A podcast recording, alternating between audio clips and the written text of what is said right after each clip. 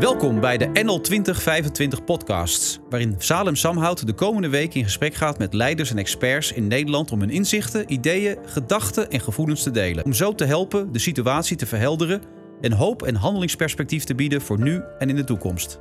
Samen maken we Nederland. Vandaag bij mij te gast Pieter Elbers, CEO van KLM. Welkom uh, Pieter. Dank je Salem. Pieter, ik liep hier net binnen bij het kantoor en het leek wel, nou het is totaal uitgestorven. Wat doet dat met jou? Ja, het is surrealistisch bijna op dit moment. Uh, hier kantoor is uh, leeg uh, en, en, verlaten.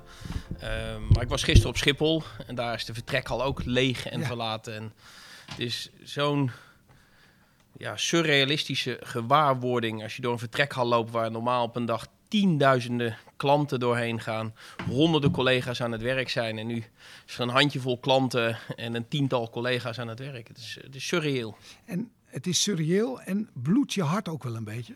Ja, het doet, het doet wel pijn. Het komt, het komt binnen. Ik ben eigenlijk uh, uh, sowieso als KLM voor 100 jaar, maar met dit team zijn we afgelopen zes jaar eigenlijk ontzettend hard bezig geweest om het bedrijf weer fit en gezond te, maken. Dat lukt dan. Uh, dan sta je vorig jaar oktober eigenlijk allemaal dat te vieren en, en daar blij mee te zijn. en binnen zes maanden zit je in een setting die eigenlijk nog nooit voorgekomen is. Dus dat, dat, dat doet wel pijn, ja. Kun je me daar uh, nog eens over vertellen? Want uh, vorig jaar 25.000 van jouw medewerkers tekenden... Pieter moet onze baas blijven. Dat lijkt me een fenomenale ervaring als CEO. En nu staat de werkgelegenheid van velen op het spel, zeg maar. En daar, daar, ja, daar zit jij tussen eigenlijk. Hoe ga je er als mens mee om? Ja, vorig jaar, de steun was natuurlijk hartverwarmend. Ik heb het toen een, eh, een blauw hart onder de riem uh, genoemd. En op zich wil je eigenlijk dat dat soort discussies binnen kamers blijven. Maar het is soms ook wel eens de charme van KLM dat, dat er dan zo'n zo'n gevoel bovenkomt bij mensen die zeggen, nou daar, daar gaan we voor staan. Dat vind ik ook. Um, en, en ik eens vragen over gehad in het buitenland. Uh, hoe, hoe, wordt dat dan georganiseerd? Dus ik denk, maar dat doen mensen gewoon. In Nederland, als je dat gaat organiseren, werkt dat niet. Dat moeten mensen zelf doen en voelen en dan, dan werkt dat zo. Dus dat is een ontzettend mooi en, en heel dierbaar moment eigenlijk uh, geweest. Um, ja, nu zitten we in een heel andere situatie. En kijk, ik kijk er maar een beetje op terug als dat moment vorig jaar dat, dat kwam ook na een periode dat het moeilijk was geweest. En toen, toen we begonnen met dit team in 2014, hebben we ook moeilijke dingen moeten doen. Hebben we ook arbeidsplaatsen moeten reduceren. Hebben we ook uh, een aantal afdelingen moeten uitbesteden. Hebben we ook uh, uh, mensen moeten vragen voor hogere productiviteit te leveren, et cetera. Um, door die, die acties van, van alle collega's zijn we uiteindelijk in staat geweest om het bedrijf weer goed op de benen te krijgen en vooruit te gaan. En dat leidt dan uiteindelijk ook tot, tot, uh, tot, tot die steun die vorig jaar is gedaan. Dus um, ik denk, zolang je maar uh, dicht bij, bij, bij het bedrijf blijft en het doel van het bedrijf en bij jezelf, dan, dan uh, ja, is het moeilijk of is soms ingewikkeld of voel, moeilijk gevoel om het uit te leggen, maar ik vind het niet moeilijk om het te doen. Ik vind het niet moeilijk om te zeggen, ja jongens, maar het kan niet anders of, of het moet zo. En nou, nu, we zullen nu de komende weken moeten kijken hoe we met elkaar uit deze crisis gaan, uh, gaan komen. Ja. Laten we eens even diep naar die crisis, want KLM werd waarschijnlijk als bedrijf als eerste ongeveer ermee geconfronteerd. En je loopt ook het risico dat je het laatste nog uh, meeloopt, zeg maar. Maar laten we eerst... Ja. Jij loopt op een aantal bedrijven waarschijnlijk drie, vier weken voor. Wat heb jij tot nu toe gedaan en wat, waar sta, wat adviseer je die bedrijven? Ja, je had me de vraag misschien uh, bijna vier weken geleden kunnen stellen. Toen wij de eerste signalen kregen in, uh, in China... Toen hebben wij denk ik net als een aantal anderen gedacht... God, dat is een lokaal en misschien regionaal uh, probleem. We hebben onze capaciteit op China aangeplast. Vluchten geherallokeerd van China naar de Verenigde Staten. We zijn heel druk geweest om vluchten uit mei, voor, voor mij uit China te halen naar Amerika om te zetten. En uh, met de wetenschap van vandaag is dat allemaal verspilde moeite geweest. En toen ging China dicht en toen Italië. En uiteindelijk is dat als een sneeuwbal over de hele wereld gegaan. Dus de collectieve soort van ja, duiding van dit probleem als iets lokaals of regionaals. is met de wetenschap van vandaag natuurlijk niet de juiste duiding geweest.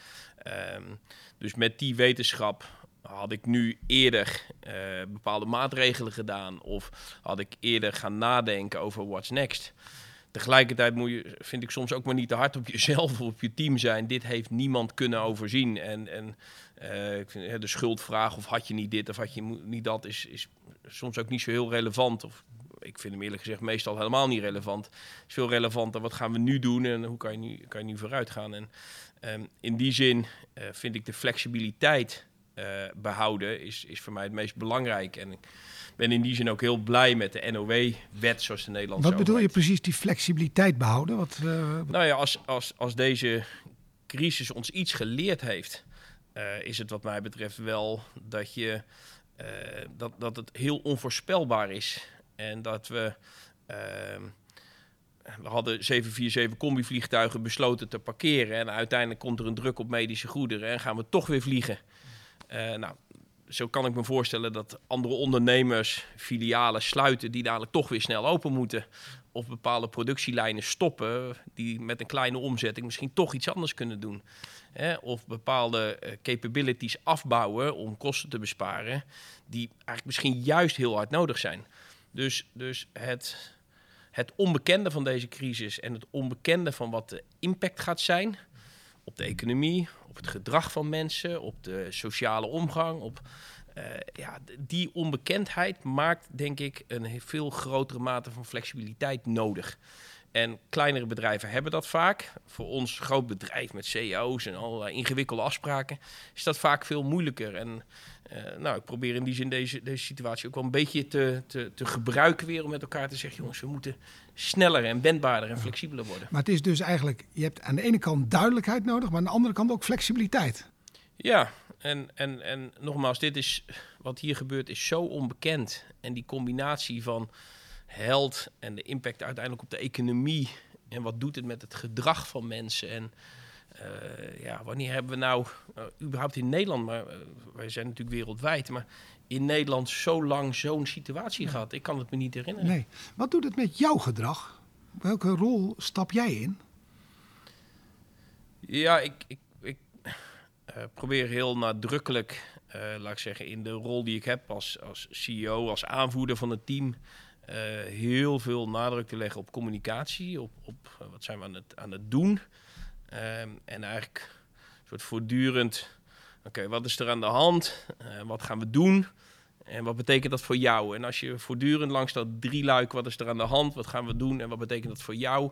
Maakt, dan, dan kan je het heel persoonlijk maken. En dan zeg goed, wat is er aan de hand? We vliegen niet meer. Uh, uh, wat gaan we doen? We gaan proberen dat weer een beetje op te starten. Wat betekent dat voor jou?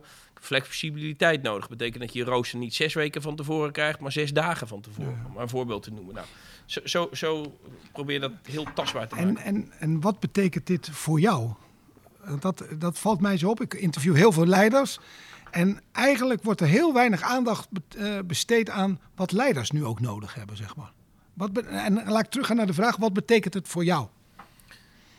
Nou, uh, het, het, geeft heel veel druk. Hè? Dus een enorme, ik, ik, ervaar het zelf als een enorme druk op je schouders. Om, uiteindelijk zitten er 30.000 gezinnen achter KLM.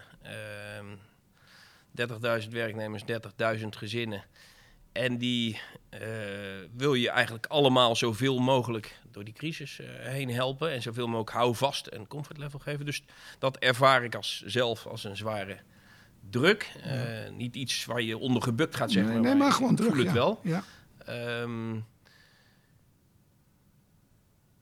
ik wil het graag zo goed mogelijk doen. Hè, dus daar, daarmee, uh, dat maak je soms ook kwetsbaar. Hè, van als er iets geschreven of gezegd of geroepen wordt. Uh, en, en eigenlijk weet je dat, dat je het ook niet voor iedereen allemaal goed kan doen. Hè, maar op een gegeven moment kreeg ik een bericht van mevrouw. Ja, mijn zoon zit vast in Peru en uw stewardessen willen maar niet vliegen. Zet ze eens aan het werk en haal ze op. Dan denk ik, ja, het, zit even wat anders, mevrouw. En, en uiteindelijk komen er ook berichten van mensen. God, meneer Albers, wat fijn dat uw bemanning mij weer opgehaald heeft daar of daar. Dus het, het, je moet een beetje die balans zoeken. Dus wat doet het met mij? Ik probeer heel erg, wat ik dan zelf de energiebalans noem, uh, uh, te bewaken en daarvoor te zorgen. En er zijn voortdurend dingen die energie kosten. Maar je moet ook dingen hebben die energie blijven geven. En, ja. die, en die balans probeer ik zelf uh, eigenlijk ja, er doorheen te varen, om het zo te zeggen. Ja, en wanneer is het moment dat je zegt dat ging hartstikke goed? En op welk moment kwam je uit je evenwicht dat het niet zo goed ging? Nou, vermoeidheid is denk ik wel uh, natuurlijk een aspect wat daarin, wat daarin speelt. Dus daar probeer ik ook wel op te letten. Dat toch wel nachtrust te, te bewaren, of te bewaken eigenlijk. Door de bank niet zo heel veel maar ik hoorde net ook van je assistenten dat er hier zelfs een bed voor jou op dit kantoor staat. Ja, nou dat uh, wil ik mijn vrouw niet aandoen om daar al te veel gebruik van te maken. Maar ja? Zo af en toe ga ik er wel eens even, ja, ik, net als gisteren ben ik vroeg op Schiphol. Dan komt de eerste vlucht uit China met in dit geval met uh, Martin van Rijn afgesproken dat we dat samen ophalen. Nou, dan sta je daar om, laat was het vijf uur, dus een kwart over drie weg. En of stond ik op, nou ja, dan, als je dan s'avonds hier om acht uur nog zit, dan kan ik wel even een uurtje tussendoor gebruiken, zeg maar. Dus soms gebruik ik dat wel eventjes. Ja, dat is het. en wanneer, dat is dus de vermoeidheid, dat is, maakt het zwaar. Maakt het nog andere dingen zwaar? Ja, ik, nogmaals, wat ik net zei, hè, ik probeer het eigenlijk zo goed mogelijk te doen. En, en uh, je kan vaak niet alles delen, je kan niet alles zeggen. En daarin, uh, ja, uh, wordt er natuurlijk ook wel eens dingen geroepen, geschreven, gezegd. En waarvan je denkt, ja jongens, uh, het zit even wat anders in elkaar. Of het ligt even wat anders. En dat, dat, dat maakt het af en toe een beetje... denk ja jongens, we hebben juist nu elkaar nodig. Juist nu moet je er samen staan. Dat is wat ik eigenlijk net bedoelde ook over de crisis, ja, het heeft helemaal geen zin. Hadden we dingen anders moeten doen? Hadden we het anders moeten... Hadden we eerder dit of eerder dat? Het heeft helemaal geen zin. Wat gaan we nu doen en hoe gaan we dat samen zo goed mogelijk doen? Pieter, als, uh, als topman moet je zoveel besluiten nemen. Ik kan me altijd voorstellen, dan is het vrijdagmiddag en dan ben je ook wel moe. En dan plotseling barst de mediabom voor je. Dan gaat het over je salaris. Wat doet het met je? Nou, dat was natuurlijk bijzonder vervelend. Uh, dan ontstaat er uh, plotseling een sneeuwbal en daarmee een, een, een, veelheid aan reacties. Wat zich richt op het woord bonus en daarmee nou, een, een, dynamiek trekt die niemand wil. en we hebben dat eigenlijk heel snel op zaterdag hersteld. Uh, de Raad van Commissarissen heeft op mijn verzoek het agendapunt van de agenda gehaald. Nou, vertel me dat op jouw verzoek, want dat, de Raad van Commissarissen is uiteindelijk verantwoordelijk voor. En, en, dan bel jij zo'n Raad van Commissarissen, alsjeblieft haal het vandaag. Nee, daar heb je natuurlijk met elkaar contact over. En, en dat is, in die zin is het een ingewikkelde setting. De Raad van Commissarissen is er verantwoordelijk voor, gaat daar ook over. Uiteindelijk is het mijn beloon. Het is altijd heel moeilijk om over je eigen ja, beloning uh, te praten. Dus we hebben gezamenlijk besloten, zo is het ook gecommuniceerd, om het van de agenda te halen. En wat doet het met je? Wat doet het gewoon met de mens, Pieter? We hadden natuurlijk verschrikkelijk van. Dat is de, de, uiteindelijk komt er iets op de agenda wat er in de huidige context helemaal niet op had gemoeten. Uh, dat staat erop. De afgelopen weken met alles nog wat bezig geweest. Dit had niet gemoeten. Het staat erop. Dat, dat, nou, dan is het er vanaf. Uh, wat doet dat met de band Pieter? Ja, die baalt daarvan. Uh, het geeft een veelheid aan reacties, geeft een veelheid aan beelden. Iedereen heeft er zijn eigen vragen bij, zijn eigen beelden bij. Dat mag ook, daar heeft iedereen recht op. Uh, maar het geeft uiteindelijk een hoop, een hoop negativiteit. terwijl we juist bezig zijn en terwijl ik juist bezig ben met mijn team om, om proberen die crisis door te komen. En, en daarmee was, was het heel vervelend. En de, wat de criticasters, ik ben niet zo'n criticaster, uh, is dat ze zeggen: hebben jullie niet het gevoel van de maatschappij in de gaten? Hoe, hoe, hoe kijk je daar tegenaan? Ik kan me die opmerking helemaal, helemaal voorstellen. En kijk, de maatschappij is natuurlijk ook niet één maatschappij of zo. Die maatschappij bestaat ook uit, uit uh, een, een, veelheid aan meningen en opvattingen en, en, en ideeën. Maar het is voor, voor, voor iedereen duidelijk uh, en we hadden immers al besloten om geen bonussen in 2020 te doen. Het ging over een beleidsaanpassing. En ja, nogmaals, het had er niet op moeten staan. Het is er vanaf. Alle focus op de crisis. Ik uh, denk dat dat verstandig is, uh, Pieter. Nog, nog een heel andere perspectief. jullie missie of je purpose en ook het element duurzaamheid. Want dat is ook altijd een, een, een strijd in de vliegtuigwereld van ja. economie, duurzaamheid. hoe, hoe maak je die afweging nu in deze crisis? Wat, wat leert je dat?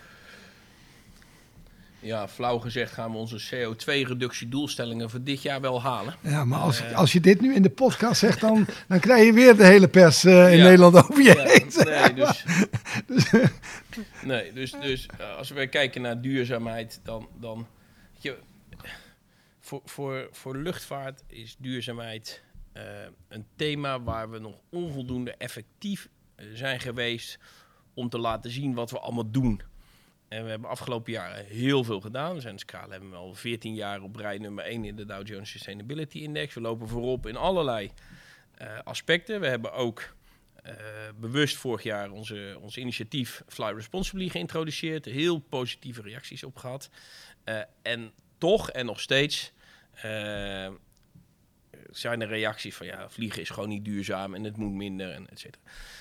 Um, nou, eh, volgens mij in ambitie om die CO2-uitstoot zoveel mogelijk terug te brengen, hebben we een gedeelde ambitie. En vervolgens moet je tegen elkaar zeggen, hoe gaan we dat dan doen? En volgens mij, uh, nou, laat, ik, ik die zelf aantrekken, zijn we nog onvoldoende in staat geweest om die gezamenlijke ambitie, om, om daar te zeggen, nee, maar dat vinden wij ook. Ik vind ook dat we er alles aan moeten doen om die CO2's te reduceren. Ik wil ook dat mijn kinderen, mijn kleinkinderen op een goede planeet willen. Dus er is geen enkele, geen enkele uh, divergentie van doelstellingen of zo van. Of, of dat wij dat niet belangrijk vinden. De vraag is vervolgens, hoe doe je dat? En op het moment dat we het hebben over treinen, heel graag. Maar ze moeten er wel zijn en ze moeten wel rijden. En als de trein tussen Amsterdam en Berlijn zeven uur duurt, dan is het geen concurrerend product. Dus als we dat nou met elkaar, collectief, als maatschappij of als Europa belangrijk vinden, dan moet je zeggen, nou dan gaan we, net als op een aantal andere plaatsen in de wereld, Japan of China, gaan we een hoge snelheidslijnen netwerk aanleggen. Of zelfs binnenlands Frankrijk. Als we tegen elkaar zeggen, wij vinden dat we moeten investeren in duurzame biofuel, prima, dan gaan we investeren in duurzame biofuel. Maar ergens moet je, moet je dan moet je praten over hoe gaan we dat dan doen. en, en verduurzamen kost nou eenmaal heel veel geld. Niet alleen voor, voor ons, maar ik denk voor de hele samenleving. Eh, of dat nou gaat over windmolenparken of zonnepanelen of, of uh, warmtepompen. Het kost allemaal veel geld. En op een of andere manier moet je, moet je, in je, moet je wel je verdienmodel in stand houden. Maar is het risico dan niet dat deze coronacrisis, waardoor jullie minder geld zullen hebben de komende jaren, dat de verduurzaming ook later op de agenda komt te staan? Nou, dat, dat hoeft niet per se. Uh, maar het is evident dat een aantal investeringen die we, die we moeten doen om te verduurzamen. Uh, kijk alleen maar naar nieuwe vliegtuigen. Een belangrijk element in de verduurzaming is, is de nieuwe generatie vliegtuigen met, met efficiëntere uh, vliegtuigmotoren. Nou, dat vergt vele miljarden aan investeringen. Ja, dat moet je wel kunnen opbrengen. dus die, dat, daar komt natuurlijk wel druk op te staan. Nog een andere uh, moeilijke vraag misschien voor je. Uh, je zit ook in de context met Air France KLM. Hoe is nu de relatie? Groeien jullie in de crisis dichter naar elkaar toe? Nou, we hebben uh, natuurlijk, ik heb heel intensief en veelvuldig contact met zowel André Guy, de CEO van Air France, als met Ben Smit. uiteindelijk ben je allebei natuurlijk, of alle drie in dit geval, erg bezig met de dingen in jouw omgeving. Dus alles wat ik hier in Nederland aan het doen ben, doet Anne Rigai voor, voor Air France. Um, maar dat doen we allemaal per telefoon en op afstand of op videoconferentie. Dus in die zin, uh, uh, soms helpt het om elkaar te zien en, uh, nou ja, en, en, elkaar in de ogen te kunnen kijken, anders dan door een videoscherm. Dus dat is toch wat, toch wat anders. Um, maar we proberen natuurlijk wel heel veel van elkaar te leren. Ook wat doe jij en wat doe jij en hoe gaan we daar weer opstarten en wat, hoe gaan we om met social distancing en welke voorwaarden gaan er aan boord gelden. En hoe gaan we, dus we proberen daar wel zo, zoveel mogelijk informatie uit te wisselen en tot gezamenlijke keuzes en afwegingen te komen. En tegelijkertijd ja, is Nederland anders dan Frankrijk en zijn ook de regels voor wat betreft de, de, de lockdown uh, zijn anders in Nederland dan in Frankrijk. Dat leidt tot andere keuzes en andere afwegingen. Dus in die balans uh, proberen we dat te zoeken met elkaar. Nu naar de. Nu de nou, brengt die crisis jullie als Franse Nederlanders dichter bij elkaar of blijft het zoals het was eigenlijk? Ik denk dat we op dit moment uh, uh, niet per se dichter bij elkaar komen, ook niet verder uit elkaar. Het is gewoon uh, ja, zakelijk en professioneel zijn we daarmee bezig. Oké. Okay. Nu toch naar de toekomst van KLM. En hoe lang in jouw scenario's worden jullie geraakt door deze crisis? Wordt dat een jaar, twee jaar, drie jaar, vier jaar? Wat, wat, wat voorspel je? Nou, er zijn natuurlijk een aantal prognoses dacht dat het de, de Volkskrant was die uh, uh, een paar weken geleden schreef, twee weken geleden of zo, of een, een ingezonden brief. De coronacrisis wordt ook een beetje een echo-put van een ieders eigen gelijk. Dus er zijn allerlei voorspellingen van, van mensen die zeggen, nou na de coronacrisis gaan we geen vlees meer eten, of gaan we niet meer vliegen, of gaan we elkaar uh, nooit meer een hand geven, of gaan we dus er zijn allerlei voorspellingen die er natuurlijk zijn en veel, veel voorspellingen hebben een enorme link naar wat mensen, wat mensen zelf denken of vinden, of, of hoe ze altijd al uh, naar bepaalde zaken keken. Dus ik realiseer me dat mijn voorspelling even goed een echo-put is van, van mijn, eigen, mijn eigen beeld dat luchtvaart zal blijven en luchtvaart weer terug zal komen. En ik denk dat, uh, dat als we kijken naar alle vorige crisissen die er waren, of dat nou SARS is of 9-11 of de Ash Cloud of allerlei andere, dat eigenlijk altijd luchtvaart weer terug is gekomen en weer sterker terug is gekomen. Dus luchtvaart gaat terugkomen, is mijn de echo-put van mijn, uh, mijn eigen gelijk. Um, wat ik wel denk is dat uh, de, de fasering van terugkomen uh, wel eens wat langer kan gaan duren. niet in de laatste plaats, omdat wereldwijd alle economieën geraakt worden. Een kwart van de KLM-klanten is Nederlands. Uh, betekent dat al die anderen uit alle andere delen van de wereld komen. Dus we hebben een enorme afhankelijkheid van de economie en de situatie in al die andere landen. Nou, dat gaat natuurlijk over de hele wereld op in een andere fasering en met andere gevolgen gaat dat plaatsvinden. Dus dat gaat, gaat lang duren, dat is één. En twee, ik denk dat vorige crisissen ook wel geleid hebben tot een aantal aanpassingen. De hele security situatie op luchthavens is veranderd na 9-11. En nu vinden we het normaal eh, dat, dat het allemaal zo gaat. Maar voor 9-11 liep je op een heel aantal plaatsen gewoon ongeveer met je paspoort naar de gate en ging je weg. Hè, toen gingen we niet door X-rays en door, door allerlei ingewikkelde zaken. Dus uh, je kan je voorstellen dat ook daar waar het gaat om sanitation en, en hygiëne, dat we misschien in, in vliegtuigen waar mensen veel en dicht bij elkaar zitten, dat je andere, andere manieren gaat krijgen of dat dat dan structureel mondkapjes is, of dat het structureel een aantal interacties met elkaar verminderen is, of, of dat er uiteindelijk een medicijn is of een, een, eh, iets wat het, wat het hele gebeuren overmodig maakt, weet ik niet. Maar dat is wel iets waar wij rekening mee houden. In ieder geval voor de komende periode van wat betekent dat nou? Nu als leider uh, krijg je nu nieuwe dingen te leren. Wat denk je wat je van je gedrag, wat je nu laat zien, gaat meenemen van na de crisis? Wat zijn de leerervaringen die je meeneemt na de crisis? Ja, dat is, dat is een goede. Uh, is misschien. Uh, kijk, ik, ik ben heel erg van het, van het actiegericht en een crisis uh, benadrukt dat misschien zelfs nog wel wat meer. Uh, dus dat is misschien eerder iets waar je weer wat vanaf moet stappen, directief actiegericht, dan dat je dat nog juist moet, moet houden. Um, wat het me wel leert, nog meer leert, of waar je nog meer mee geconfronteerd wordt, dat de perspectieven uh, van iedereen uh, anders zijn en dat, dat er toch wel meer fasering in zit. En uh, de, de, de, eerste weken van de crisis was heel erg uh, saamhorigheid, heel erg van jeetje, Mina zegt, nou dit is even vervelend, maar nou daar slaan we ons doorheen. Ja. Ehm, Terwijl nu wordt het natuurlijk langzaam maar zeker, ja, het begint langer te duren. Het is duidelijk dat de effecten veel groter gaan zijn. Mensen worden de situatie thuis met, met kinderen die thuis zijn zat. Er begint meer onzekerheid in te, te sluipen. De berichtgeving over economie die gaat krimpen, pensioenfondsen die het niet aankunnen. Ja. Dus de berichtgeving wordt eigenlijk wat donkerder. De ellende, zo, uh, de ellende komt er nu aan, zeg maar. Komt zeggen, hè, dus, dus in die, in die fasering, dus wat ik hier wel van leer, is dat afgelopen jaren hebben we heel erg nou goed, dit is onze strategie. En die gaan we uitvoeren. En dan stap voor stap voeren we die strategie uit. En ik ben zelf heel erg fan van uh, strategy without execution is a hallucination. Dus nou, laten we vooral maar alle nadruk op execution leggen. En uh, die strategie, die staat en die gaan we uitvoeren, uitvoeren, uitvoeren, uitvoeren. Deze situatie leert toch wel dat de verschillende fases, verschillende, uh, verschillende responses behoeven. Ja. En dat de respons die we in de eerste fase hadden, veel communiceren, iedereen erbij houden, vertellen, korte termijn cycli met wat we gaan doen. Oké, okay, nu besluiten we dat, gaan we volgende week invoeren. Dat je nu in een wat andere fase komt, dus dat toch wat meer verder vooruit moeten kijken. En ja, goed, het gaat niet meer om hoe we de komende maand onze vluchten afbouwen. Dat was in maart zo. Het gaat er nu om hoe we de komende twee maanden omgaan met 90% van de vliegtuigen aan de grond.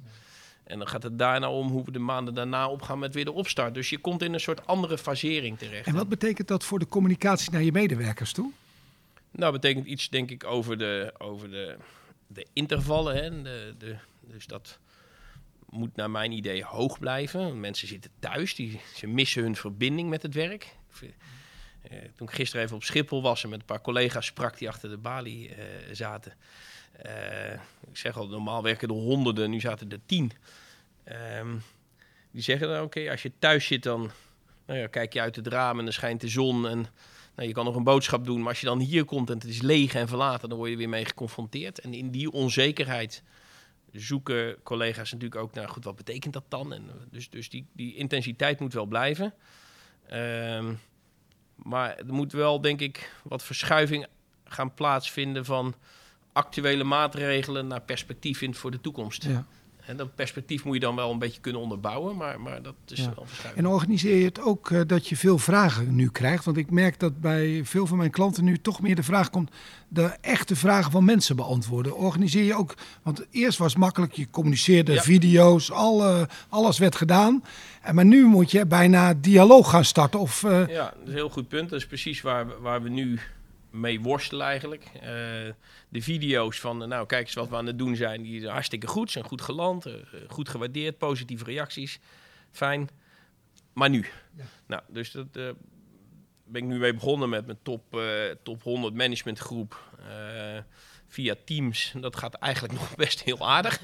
Ehm, dus nou, welke vragen zijn er? En normaal roep je dan iedereen bij elkaar. Dat doen we nou op die manier. Uh, de, de kunst gaat nu worden. Hoe gaan we dat voor een grotere groep doen? En hoe kun je dan die vragen beantwoorden? Kan je dat ook weer delen met anderen? Dat die vragen er geweest zijn, dat je ze beantwoord hebt. Dus dat is eigenlijk waar we nu zitten. Uh, en uh, nou, hopelijk in de komende twee weken wat mee gaan experimenteren. Ja, ja. Je lijkt me eigenlijk een man die voor de duvel niet bang is eigenlijk. Hè? Maar het is nu denk ook voor jou soms nog wel eens onveilig. Of dat je denkt, ja, ik zou bijna een na woord zeggen, maar jeetje Mina, dit kan ik misschien ook wel eens niet oplossen. Hoe ga je daarmee om? Je eigen angsten dat je het niet meer kan bevatten of dat het out of your control raakt. Hoe ga je daarmee om? Ja, ik, ik, um, ik probeer altijd te richten op de dingen die je wel kan doen en die je wel kan beïnvloeden. En uh, daar ook al je kracht en je energie op, op te focussen. Dus um, in die zin, uh, angsten, nee, dat brengt je ook niet zo, uh, ook niet zo heel veel. Uh, ja, angst is meestal, vind ik, een slechte raadgever. Uh, dus ik focus heel erg op, nou, wat, wat kun je dan wel doen? En welk perspectief kan je daar wel aan, uh, aan geven? En welke, welke acties en welke dingen kan je daar dan wel uithalen? Dus, dus Oké. Okay. Wat zijn nou de drie wezensvragen die jij jezelf nu stelt? Uh, de wezensvragen voor KLM of de wezensvragen? Nou, laten we eerst voor. Ja, laten we beginnen bij KLM en dan komen we hopelijk nog wel bij Pieter terecht, zeg maar. Nou, bij, bij, bij KLM uh, hebben we. Uh, de, de, eerste is natuurlijk hoe organiseren we onze financiële uh, positie. Ehm, de, de, de, cash, hoe zorgen we dat we de goede financiële structuur hebben. Dus één is, is hoe organiseren de financiële positie. Twee is hoe heb ik een bedrijfsplan om hier doorheen te komen. Uh, voor de komende twee maanden, voor de zes maanden, voor de komende twee jaar. Et cetera. Dus twee is mijn bedrijfsplan.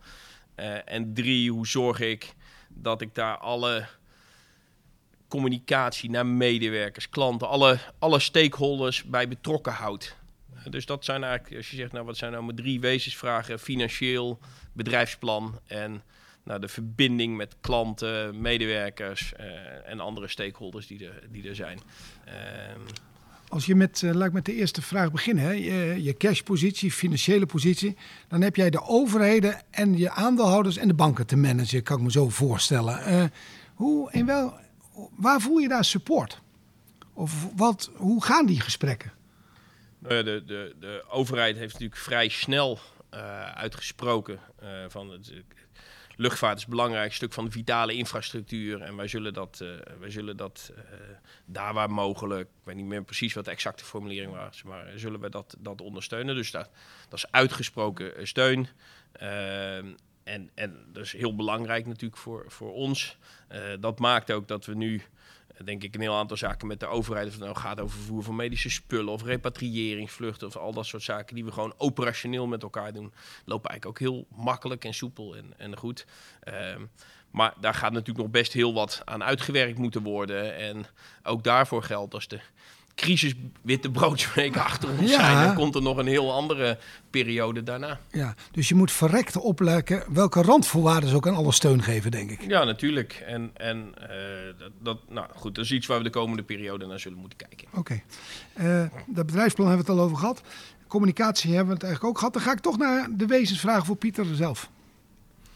Ja, ik denk de eerste is... Uh, de, deze crisis wordt toch wel...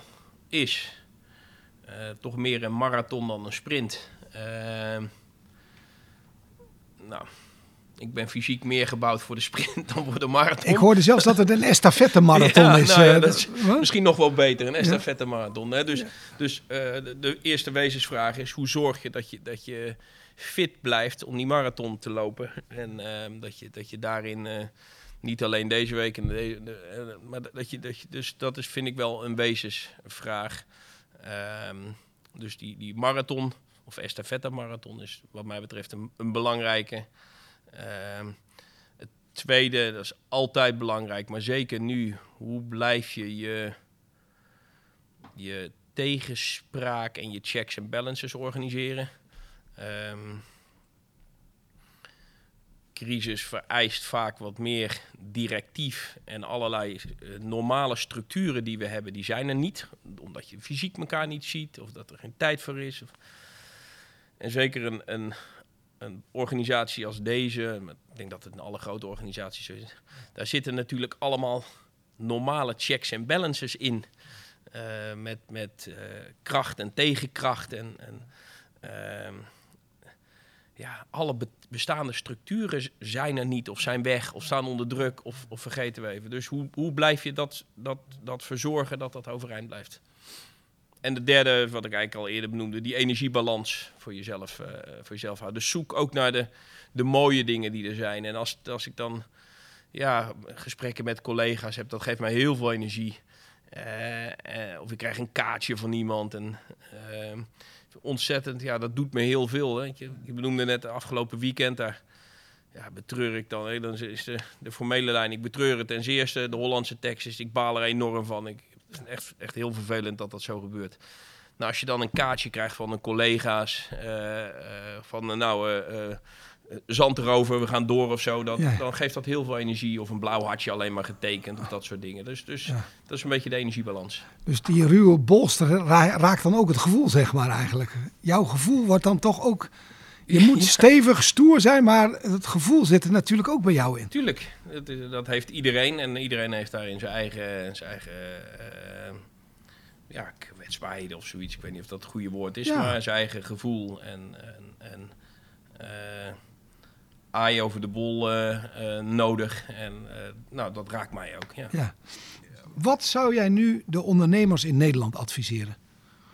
En dat is een brede vraag, maar twee of drie punten die zeggen, nou, alle ondernemers van Nederland, ik loop al voor op de crisis. Ik, het is misschien wel in alle heftigheid krijg ik het. Dit kunnen jullie, deze adviezen geef ik jullie. Nou, ik zou bijna aanmatigend vinden om ondernemers te adviseren. Dus, je, iedere onderneming heeft zo zijn eigen uitdagingen en zijn eigen problemen. En uh, bij ons is dan de omvang en, en het feit dat, dat, dat, dat we voor zoveel miljarden op de grond hebben ge, staan. Dat weegt heel zwaar. tegelijkertijd hebben we ook juist, je had net over de overheid, ook wel weer steun. En dan denk ik, ja, voor strandondernemers die, hun, die net hun strandtent opgebouwd hebben, of iemand die net zijn restaurant geopend heeft, of iemand die net zijn zijn bedrijf opgestart heeft of ze diep in de schulden gestoken heeft. Dus ik, ik eh, nou, heb grote respect en waardering voor iedereen die eigenlijk probeert door deze crisis heen, heen te komen. En in die zin nou, zou ik het een beetje aanmatigend vinden om te zeggen, nou, als je nou dat doet, wij lopen voort, dan kom je er wel. Dat, nee, dat, dat niet. wat, wat ik probeer te doen en, en, en nou, iedereen die daar is langs die drie blokjes die ik net voor het bedrijf zei. Van, van, van zorg dat je je financiële focus, je bedrijfsplan of je uitvoering of je executie klaar hebt. Twee. En drie, uh, rondom je, nou, je verbinding met je, met je, je stakeholders, klanten en uh, werknemers en andere betrokkenen. Dan denk ik, ja, als je, als je langs die drie assen opereert, dat zie ik op heel veel plaatsen ook. Er zijn natuurlijk voldoende restaurants die zeggen, nou koop nu een bon en dan krijg je de bon plus 10%. Als we daar weer, zo zijn ze natuurlijk ook bezig met klanten en cash. Uh, dus ik heb het idee dat heel veel ondernemingen eigenlijk uh, op die aspecten focussen. Wat mij zo opvalt, Pieter, dat je je daadkracht en je, je competentie die je hebt, maar je koppelt hem nu zo mooi aan, ook aan je kwetsbaarheid en je wijsheid. Uh, heb je ook het gevoel dat je daardoor in deze fase dan een nog betere leider aan het worden bent? Nou, zo komt het op mij over, laat ik het maar zo nou, zeggen. Dat is mijn, laat ik het dan maar gewoon als compliment. Ja, ja beschouw het als compliment, ja. Uh, nee, ja, ik, ik ben daar niet zo mee bezig of dat je nou een betere leider wordt uh, of niet. Ik probeer van iedere situatie te leren. En uh, ik, werk nu, wat is het, 28 jaar bij KLM. Ik heb het privilege gehad om veel verschillende plaatsen, verschillende plaatsen in de wereld te werken. Al heb ik iedere keer weer van geleerd. En ehm, bewust te leren. En, en probeer ook uit deze fase bewust weer te leren, bewust lessen uit te halen. En uh, nou, een aantal dingen die we net dan benoemden, hoe zorg je dat nou? Dat probeer ik hier eigenlijk ook weer uit te halen. Uh, en, en, te reflecteren op, oké, wat, kan, wat kan ik daarvan leren, wat kan ik daaruit halen. Dus, ja. Heb je nog opmerkingen, laatste gedachten die je door deze podcast hebt gekregen? Nee, eigenlijk niet. Uh, Het klinkt nou ja, misschien, uh, nee, eigenlijk niet. Ik, uh, ik vond het een plezierig gesprek, Salem. Oké, okay, nou mooi. Dankjewel, Pieter. NL 2025 is een diverse beweging waar honderden aanjagers vanuit onder andere het bedrijfsleven, kunst en cultuur, media, sport, onderwijs en wetenschap zich op persoonlijke titel inzetten voor een mooiere toekomst voor Nederland, voor de huidige en toekomstige generaties. En dat doen we vanuit het Pay It Forward principe. Ik doe iets voor jou en dan geef jij het weer door aan iemand anders.